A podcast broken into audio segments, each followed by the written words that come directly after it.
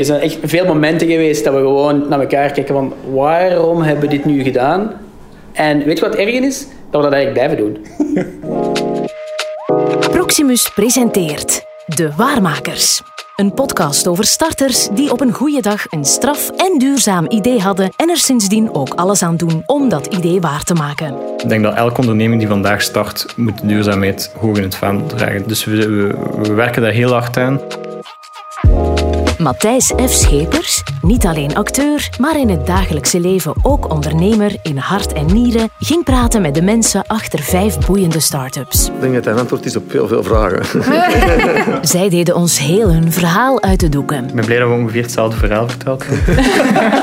maakten ons deelgenoot van grote filosofische waarheden Als we niks gaan veranderen, gaat er niks veranderen. en leidden ons langs de wondere wegen van het ondernemerschap. Soms geeft het leven u andere kansen en andere wegen om te bewandelen. En wie voert de job uit waarvoor dat hij gestudeerd heeft? Ook niet iedereen, denk ik. Deze episode situeert zich ergens tussen het moment dat er een lampje aanvloept in je hoofd, uiteraard een energiezuinig ledlampje, en de dag dat je mag stellen: Ik ben ondernemer.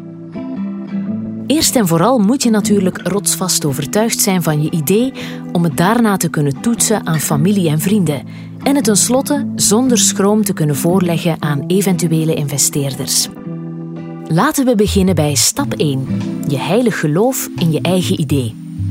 Soraya van ethisch fashionlabel Studio Ama is ervan overtuigd dat mode anders kan.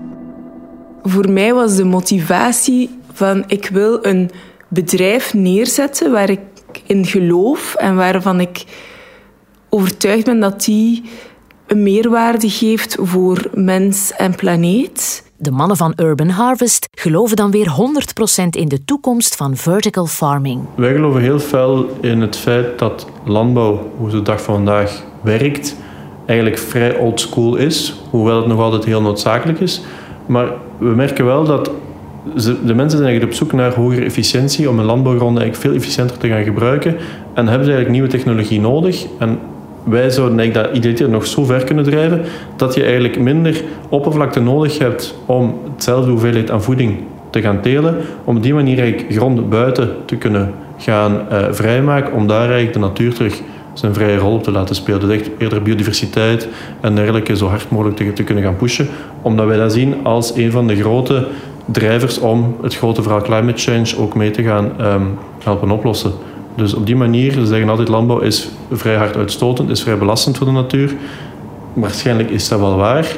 Ehm, en als je dan de efficiëntie nog wat kan gaan doordrijven en juist die grond nog kan gaan beperken, kan dat wel helpen om landbouw toch sexy te houden, eh, aangezien het ook nodig is, maar toch eh, de natuur een vrije rol te- terug te kunnen geven. Daarna kan je pas op jacht gaan naar medebelievers. Natuurlijk zoek je het eerst in je directe omgeving.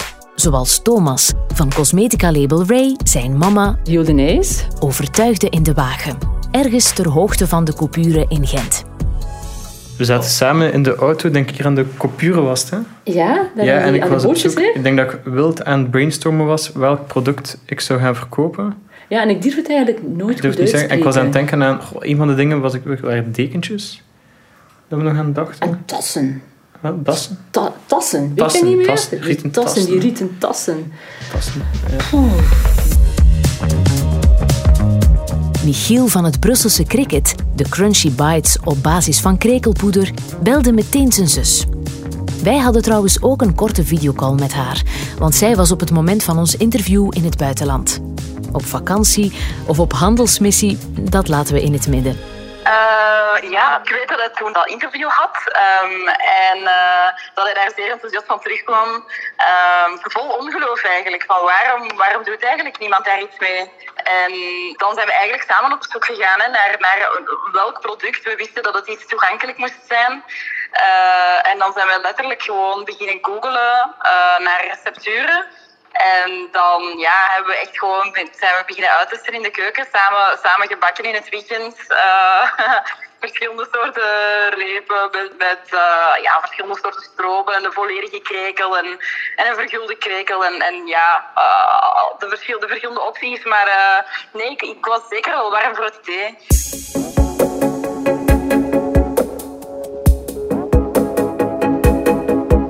Jona van tweedehands geboortelijsten Micmac Minuscule had het geluk dat haar prille believers meteen haar eerste klanten waren. Dat, waren betalende klanten gewoon. Dus eh, eigenlijk is er ook nooit, in het begin toch nooit financiering aan te pas gekomen. Vanaf dag één was er een betalende klant. En dat is eigenlijk wel heel speciaal in een, um, in een businessmodel. Er zijn heel weinig mensen die dat kunnen zeggen, dat ze zonder enige opstartfinanciering zijn kunnen groeien tot, ja, bij ons, tot, tot, denk ik, acht, tot de acht madame. Toen was er nog niks van financiering nodig, behalve tijd.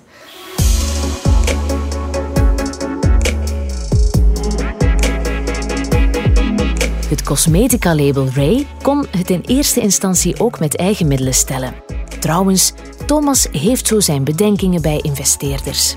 Heb je uh, serieus moeten investeren in het begin? Ik vermoed van niet, omdat alle producten er eigenlijk waren. Uh, ik denk dat dat ook ideaal is voor, een, voor mij dan, voor een eerste onderneming, is dat je zo, zo laagdrempelig mogelijk begint. Dat heeft ook soms zijn nadelen, maar nu het was eigenlijk vrij, allee, tussen aanhalingstekens, budgetvriendelijk. Uh, we zijn ook heel klein begonnen. Dus we zijn echt begonnen met, met 500 flesjes te kopen, 500 labels te kopen. Uh, dus dat viel wel mee. Hè. We wouden eigenlijk ook geen grote risico's nemen op dat moment naar, naar budget toe. Heb je al aan gedacht om uh, kapitaal op te halen? Uh, we hebben daar aan gedacht, maar het is niet de. Uh, het is een van de, de redenen ook dat ik, dat ik onderneem, is omdat ik voor mezelf wil werken. Uh, dat klinkt zeer idealistisch, maar dat is weer die, die grenzen, die vrijheid. Uh, Thomas, het is uh, vrijheid. Ja, het is die, vrijheid dat ik nodig heb in het ondernemen. Dat is het. En als je ja. kapitaal ophaalt, denk ik dat dat enorme voordelen heeft. Ik denk dat de, de onderneming veel sneller kan groeien, maar je vrijheid wordt beperkt en je wordt een beetje werknemer van je eigen bedrijf, afhankelijk van hoeveel kapitaal dat je ophaalt natuurlijk en hoeveel aandelen dat je weggeeft. Dus dat is iets wat ik wel wou vermijden, zeker in het begin.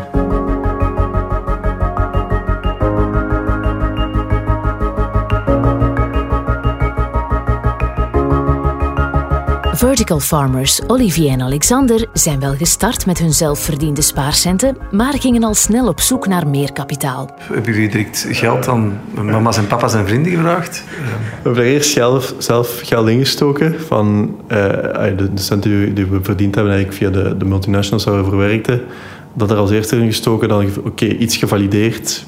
We konden iets stelen, want ja, geen van ons is, is boer. Of heeft vragen, van... mag ik vragen hoeveel dat was, of is dat, vind je dat lastig? Ja, dat is uh, 24.000 euro. Oké, okay, dus daar zijn we mee begonnen? Daar zijn we mee begonnen. Ja. Dus uh, dat is het eerste startkapitaal dat we hebben gestoken. Hebben wij een, een vredel tuinkot opgebouwd aan de achterkant van een supermarkt in Netterbeek. Die winkel hebben we onder water gezet. We hebben de parking onder water gezet. We hebben alles gedaan. We hebben de kabel getrokken van voor, letterlijk van voor tot achter de winkel, waarbij we overschappen komen. Om, ja, een paar confituurpotten zijn gesneuveld toen. Om, om, om, om het gedaan te krijgen, maar die eigenaar vond dat fantastisch. Dus we deden maar verder en verder. En daar hebben we drie dingen kunnen valideren. Eén, krijgen we daar een plan uit, want weer al, ik ben jurist, Olivier is industrieel ingenieur, dus weinig landbouw, ook niet van de ouders uit. Dus geen voeling daarbij. Maar we gingen toch iets met, met planten doen. Um, dan kregen we het verkocht aan een bepaalde prijs, um, die ook nog eens commercieel interessant was. Niet dat we vijf keer de marktprijs was, het was direct wel een, een marktconforme prijs um, die we gehanteerd hebben. En dan derde jaar vinden we het leuk om, om, om boer te spelen en dat hebben we toch kunnen valideren. En zo zijn we eigenlijk naar onze kapitaalronde kunnen gaan. Dus hebben we uh, vier investeerders aan boord getrokken.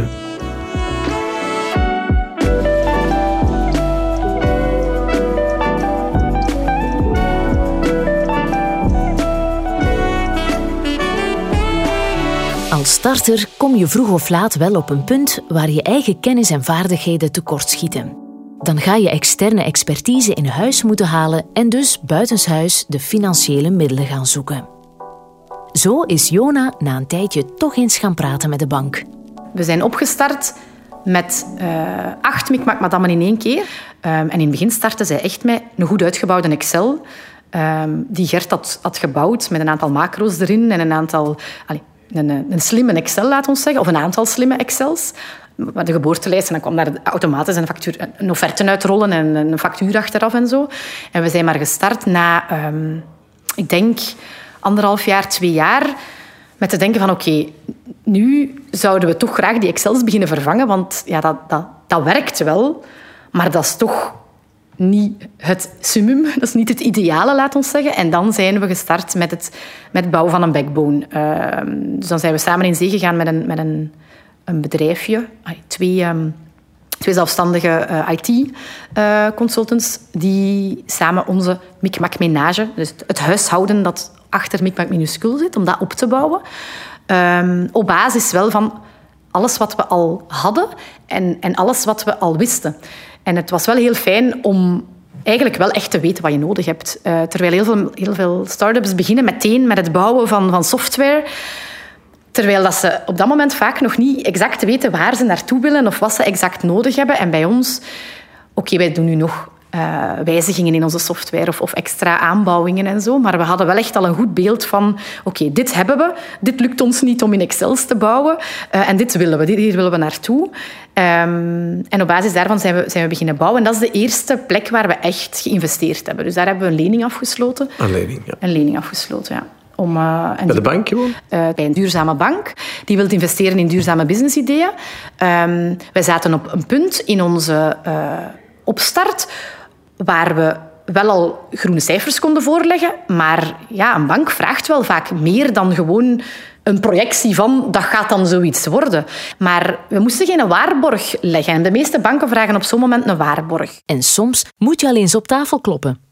Is het niet zo, Raya? Ik heb nog een flexibel hoofd. Dus gelijk welk budget dat er dan is, ik ga er altijd wel de maximumversie voor het minimum geld mee doen. Wat ook niet echt goed is, want eigenlijk zou ik meer beter op tafel kloppen en zeggen kijk, als ik het echt goed wil doen, heb ik nu een half miljoen nodig en dan staat er binnen een half jaar dat.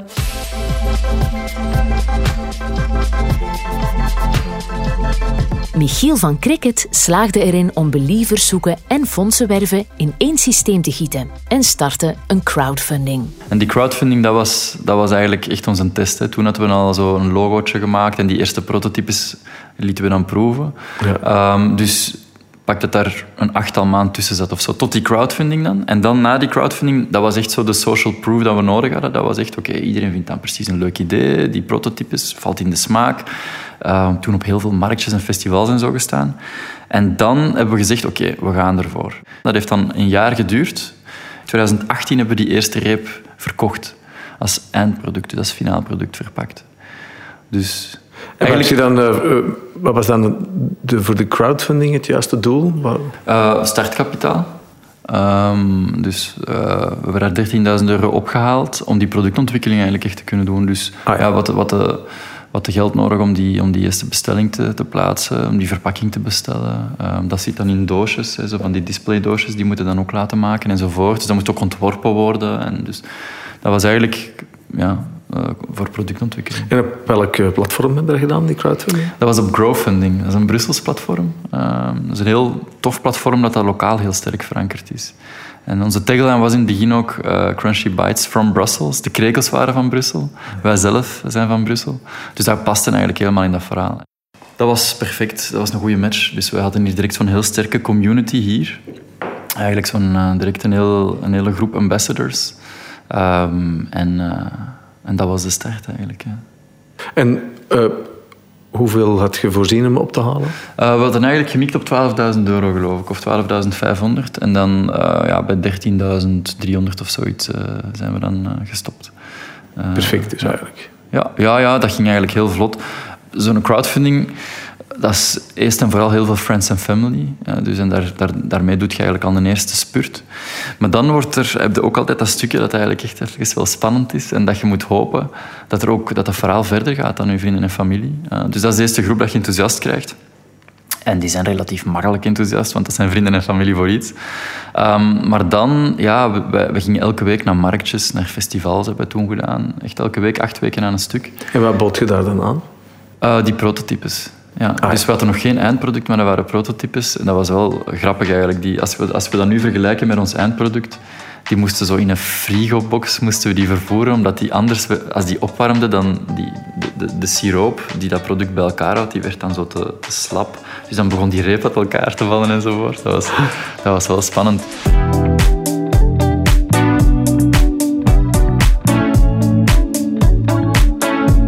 Crowdfunding is een laagdrempelige manier van fondsen werven. Maar Vlaanderen heeft gelukkig ook een levendig zakennetwerk waarop je een beroep kan doen. Vaak heeft men het over accelerators en business angels. Dat zijn ondernemers en bedrijven die jonge start-ups met raad en daad bijstaan en meteen ook een handje helpen om het financiële plaatje rond te krijgen. Michiel maakte daar dankbaar gebruik van. Uh, heel fijn met hen samengewerkt. Het is nog een redelijk jong bedrijf uit Gentse. En ze begeleiden eigenlijk uh, start-ups en KMO's um, om, uh, om, om, financiering op te halen. Um, en, en ja, zij laten er dan zo'n soort Excel op los met duizenden formules waar ik niks van begrijp. Ook onze urban harvesters gingen in zee met een accelerator. En hoe hebben jullie dat gevonden, de geldschieters? we waren eigenlijk in het begin uh, hebben we ook gepitcht bij Started. Mm -hmm. uh, dus dat werd toch ook al toegang tot een droge bureau en verwarming. Dus dat was al aangenaam. Maar eigenlijk ook een heel mooi netwerk. En we hebben eigenlijk al heel veel pitch-events meegedaan. Dat is eigenlijk niet heel veel. Hè. Enkele pitch-events en, en, wel alle netwerkevents meegedaan, zowel van Brussel als van Started. En gewoon met heel veel mensen liggen praten. En de dag dat we eigenlijk zeiden van kijk, nu zijn we op zoek naar geld, een pitch deck doorgestuurd. En we hebben eigenlijk niet heel veel mensen aangesproken. We hebben zes meetings gehad om alles te be, be, binnen te klinken. Een pitch deck? Hallo? Deck is eigenlijk uh, in een paar slides uitleggen wat dat we doen, waarom dat we het doen. En, ja, um, wat is uw probleem? Ja. Wat lost het op? Ja, wie doet het op voor ons? Ja. Ja. Jullie hebben er alleen maar positieve ervaring mee. Maar dus vaak, wat je erin stikt, gaat je ook wel iets gaan uithalen. Dus we hebben ons wel vrij hard gesmeten in dat netwerk en met veel mensen gebabbeld en dergelijke. Mm -hmm. En ze hebben een heel sterk netwerk. Als je daar niks doet, ja, gaat je er niks uithalen. Dus dat heel zeker. Uh, en een dieptik vind ik dat wij er wel vrij veel hebben uitgehaald. Maar dat is ook omdat wij met een vrij open mindset um, daar naartoe zijn geweest. Het is niet dat die een deel van uw bedrijf hebben nu. Nee, nee, nee en dat is juist eigenlijk het, het heel mooie aspect. Er is zero strings attached. Als je toch niet doen dat wij hebben deelgenomen, ja, je moet juist even ondertekenen dat je de bureaus niet afbreekt. En that's it. En je krijgt toegang tot een hoop gratis expertise, partners. Uh, en bureaus overal in Vlaanderen. Ja. En dat was gewoon makkelijk. Als maar, je een meeting hebt, je gaat naar daar. En vooral, je kunt mensen uitnodigen in een proper kader. Ja. Niet ja. In veel kruipkot waar je, waar je dag in dag uit dingen doet. Maar het meest belangrijke is inderdaad, ja, de zaken worden niet op een dienblad aange aangeboden. Heb je een probleem, goed. Fix it. Fix it. Hè. Ze hebben een heel grote um, pagina, ook op Facebook, interne pagina. Als je een probleem hebt en je ziet ook mensen, reageer erop. Cool, cool. Soraya van Studio AMA nam wel een paar keer deel aan acceleratorrondes, maar zoekt haar financiering vaak ook in een heel andere hoek. Ik heb nu en dan een keer aan een programma meegedaan en ik heb daar telkens dingen uitgehaald, maar ik ben ook nu in een fase dat ik eigenlijk heel specifiek mijn vragen wil omschrijven en dan mailtjes stuur. Hallo, ik zit hier mee. Ik wil dit probleem oplossen. Ik denk dat jij me hier een stap verder in kan helpen en dat ik zeer specifiek mijn vragen naar iemand richt of mij laat doorverwijzen en dat dat een efficiëntere vorm is. Waarschijnlijk is de, de vorm laat u omringen in een accelerator en stel u gerichte vragen is een heel goede combinatie. Maar ik denk ook dat ik ondertussen mijn eigen accelerator aan het bouwen ben door zo met een paar ondernemers te gaan connecteren die heel dicht ook staan bij die missie en visie. Um, en waar haalt u geld dan? Omdat ik net met zo heel die maatschappelijke problematieken bezig ben, kijk ik wel naar welke overheden willen hier heel hard in duwen. Overheidssubsidies dus. En over welke overheden spreken we dan? Bijvoorbeeld zo'n zo een, een uh, subsidie kan zijn dat ik ga onderzoeken welke reststromen dat er in de textielindustrie voorhanden zijn. Dat is bij de Vlaio dan? Nee, is niet Vlaio. Vlaio is altijd kwantificeerbaar. We laten 20 van die melkbussen van de band rollen.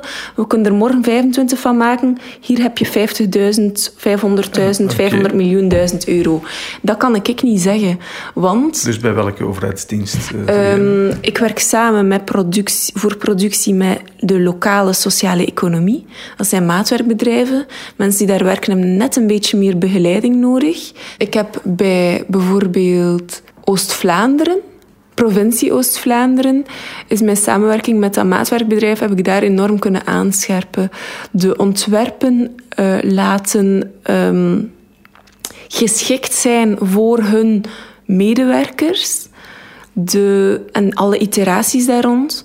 Maar ook uh, begeleiding in de zin van werkinstructiefiches, heel veel overleg, die iteratierondes met de werkbegeleiders, om die collectie volledig op maat van de maatwerkers te laten maken. Daar geeft de provincie subsidie voor? Ja. Ah, ja.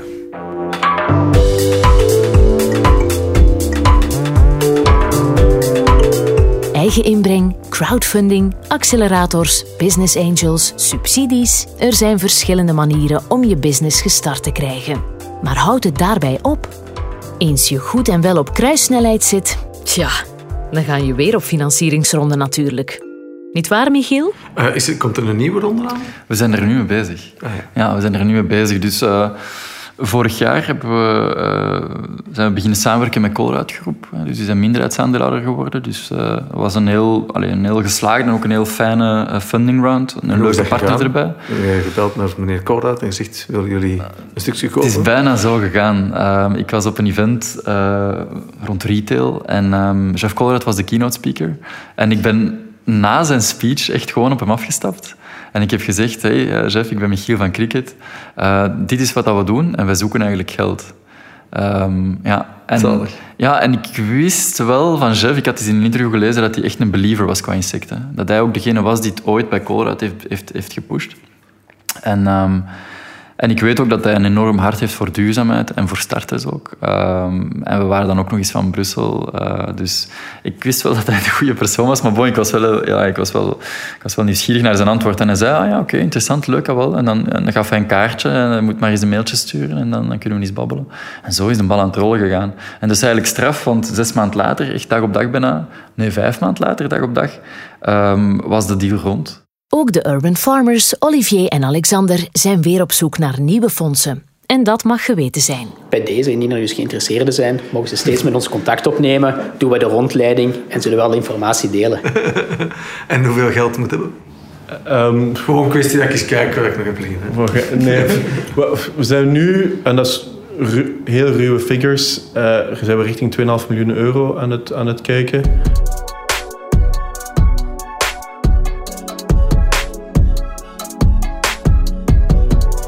Ten slotte sluiten we ook deze episode af met een brokje welgemeend advies. Deze keer een tip van onze crunchy krekelchef Michiel. Um, durf naar buiten te komen met uw idee. Um, durf je kwetsbaar opstellen.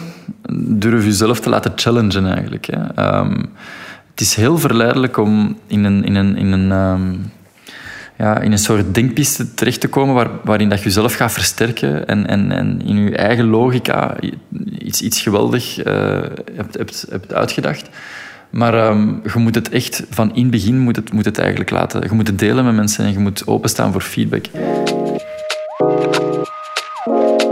De volgende episode gaan we weer een stap verder. Dan gaan we ons onderdompelen in businessplannen. Maar misschien dat we het businessplan wel een klein beetje hebben opgeblazen voor de bank. Want ja, dat doet je voor de bank, voor een lening, een klein beetje.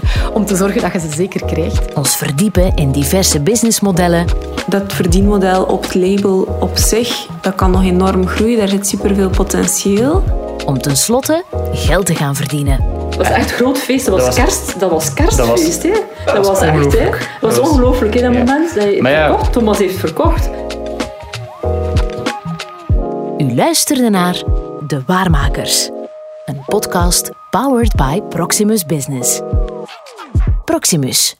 Think possible.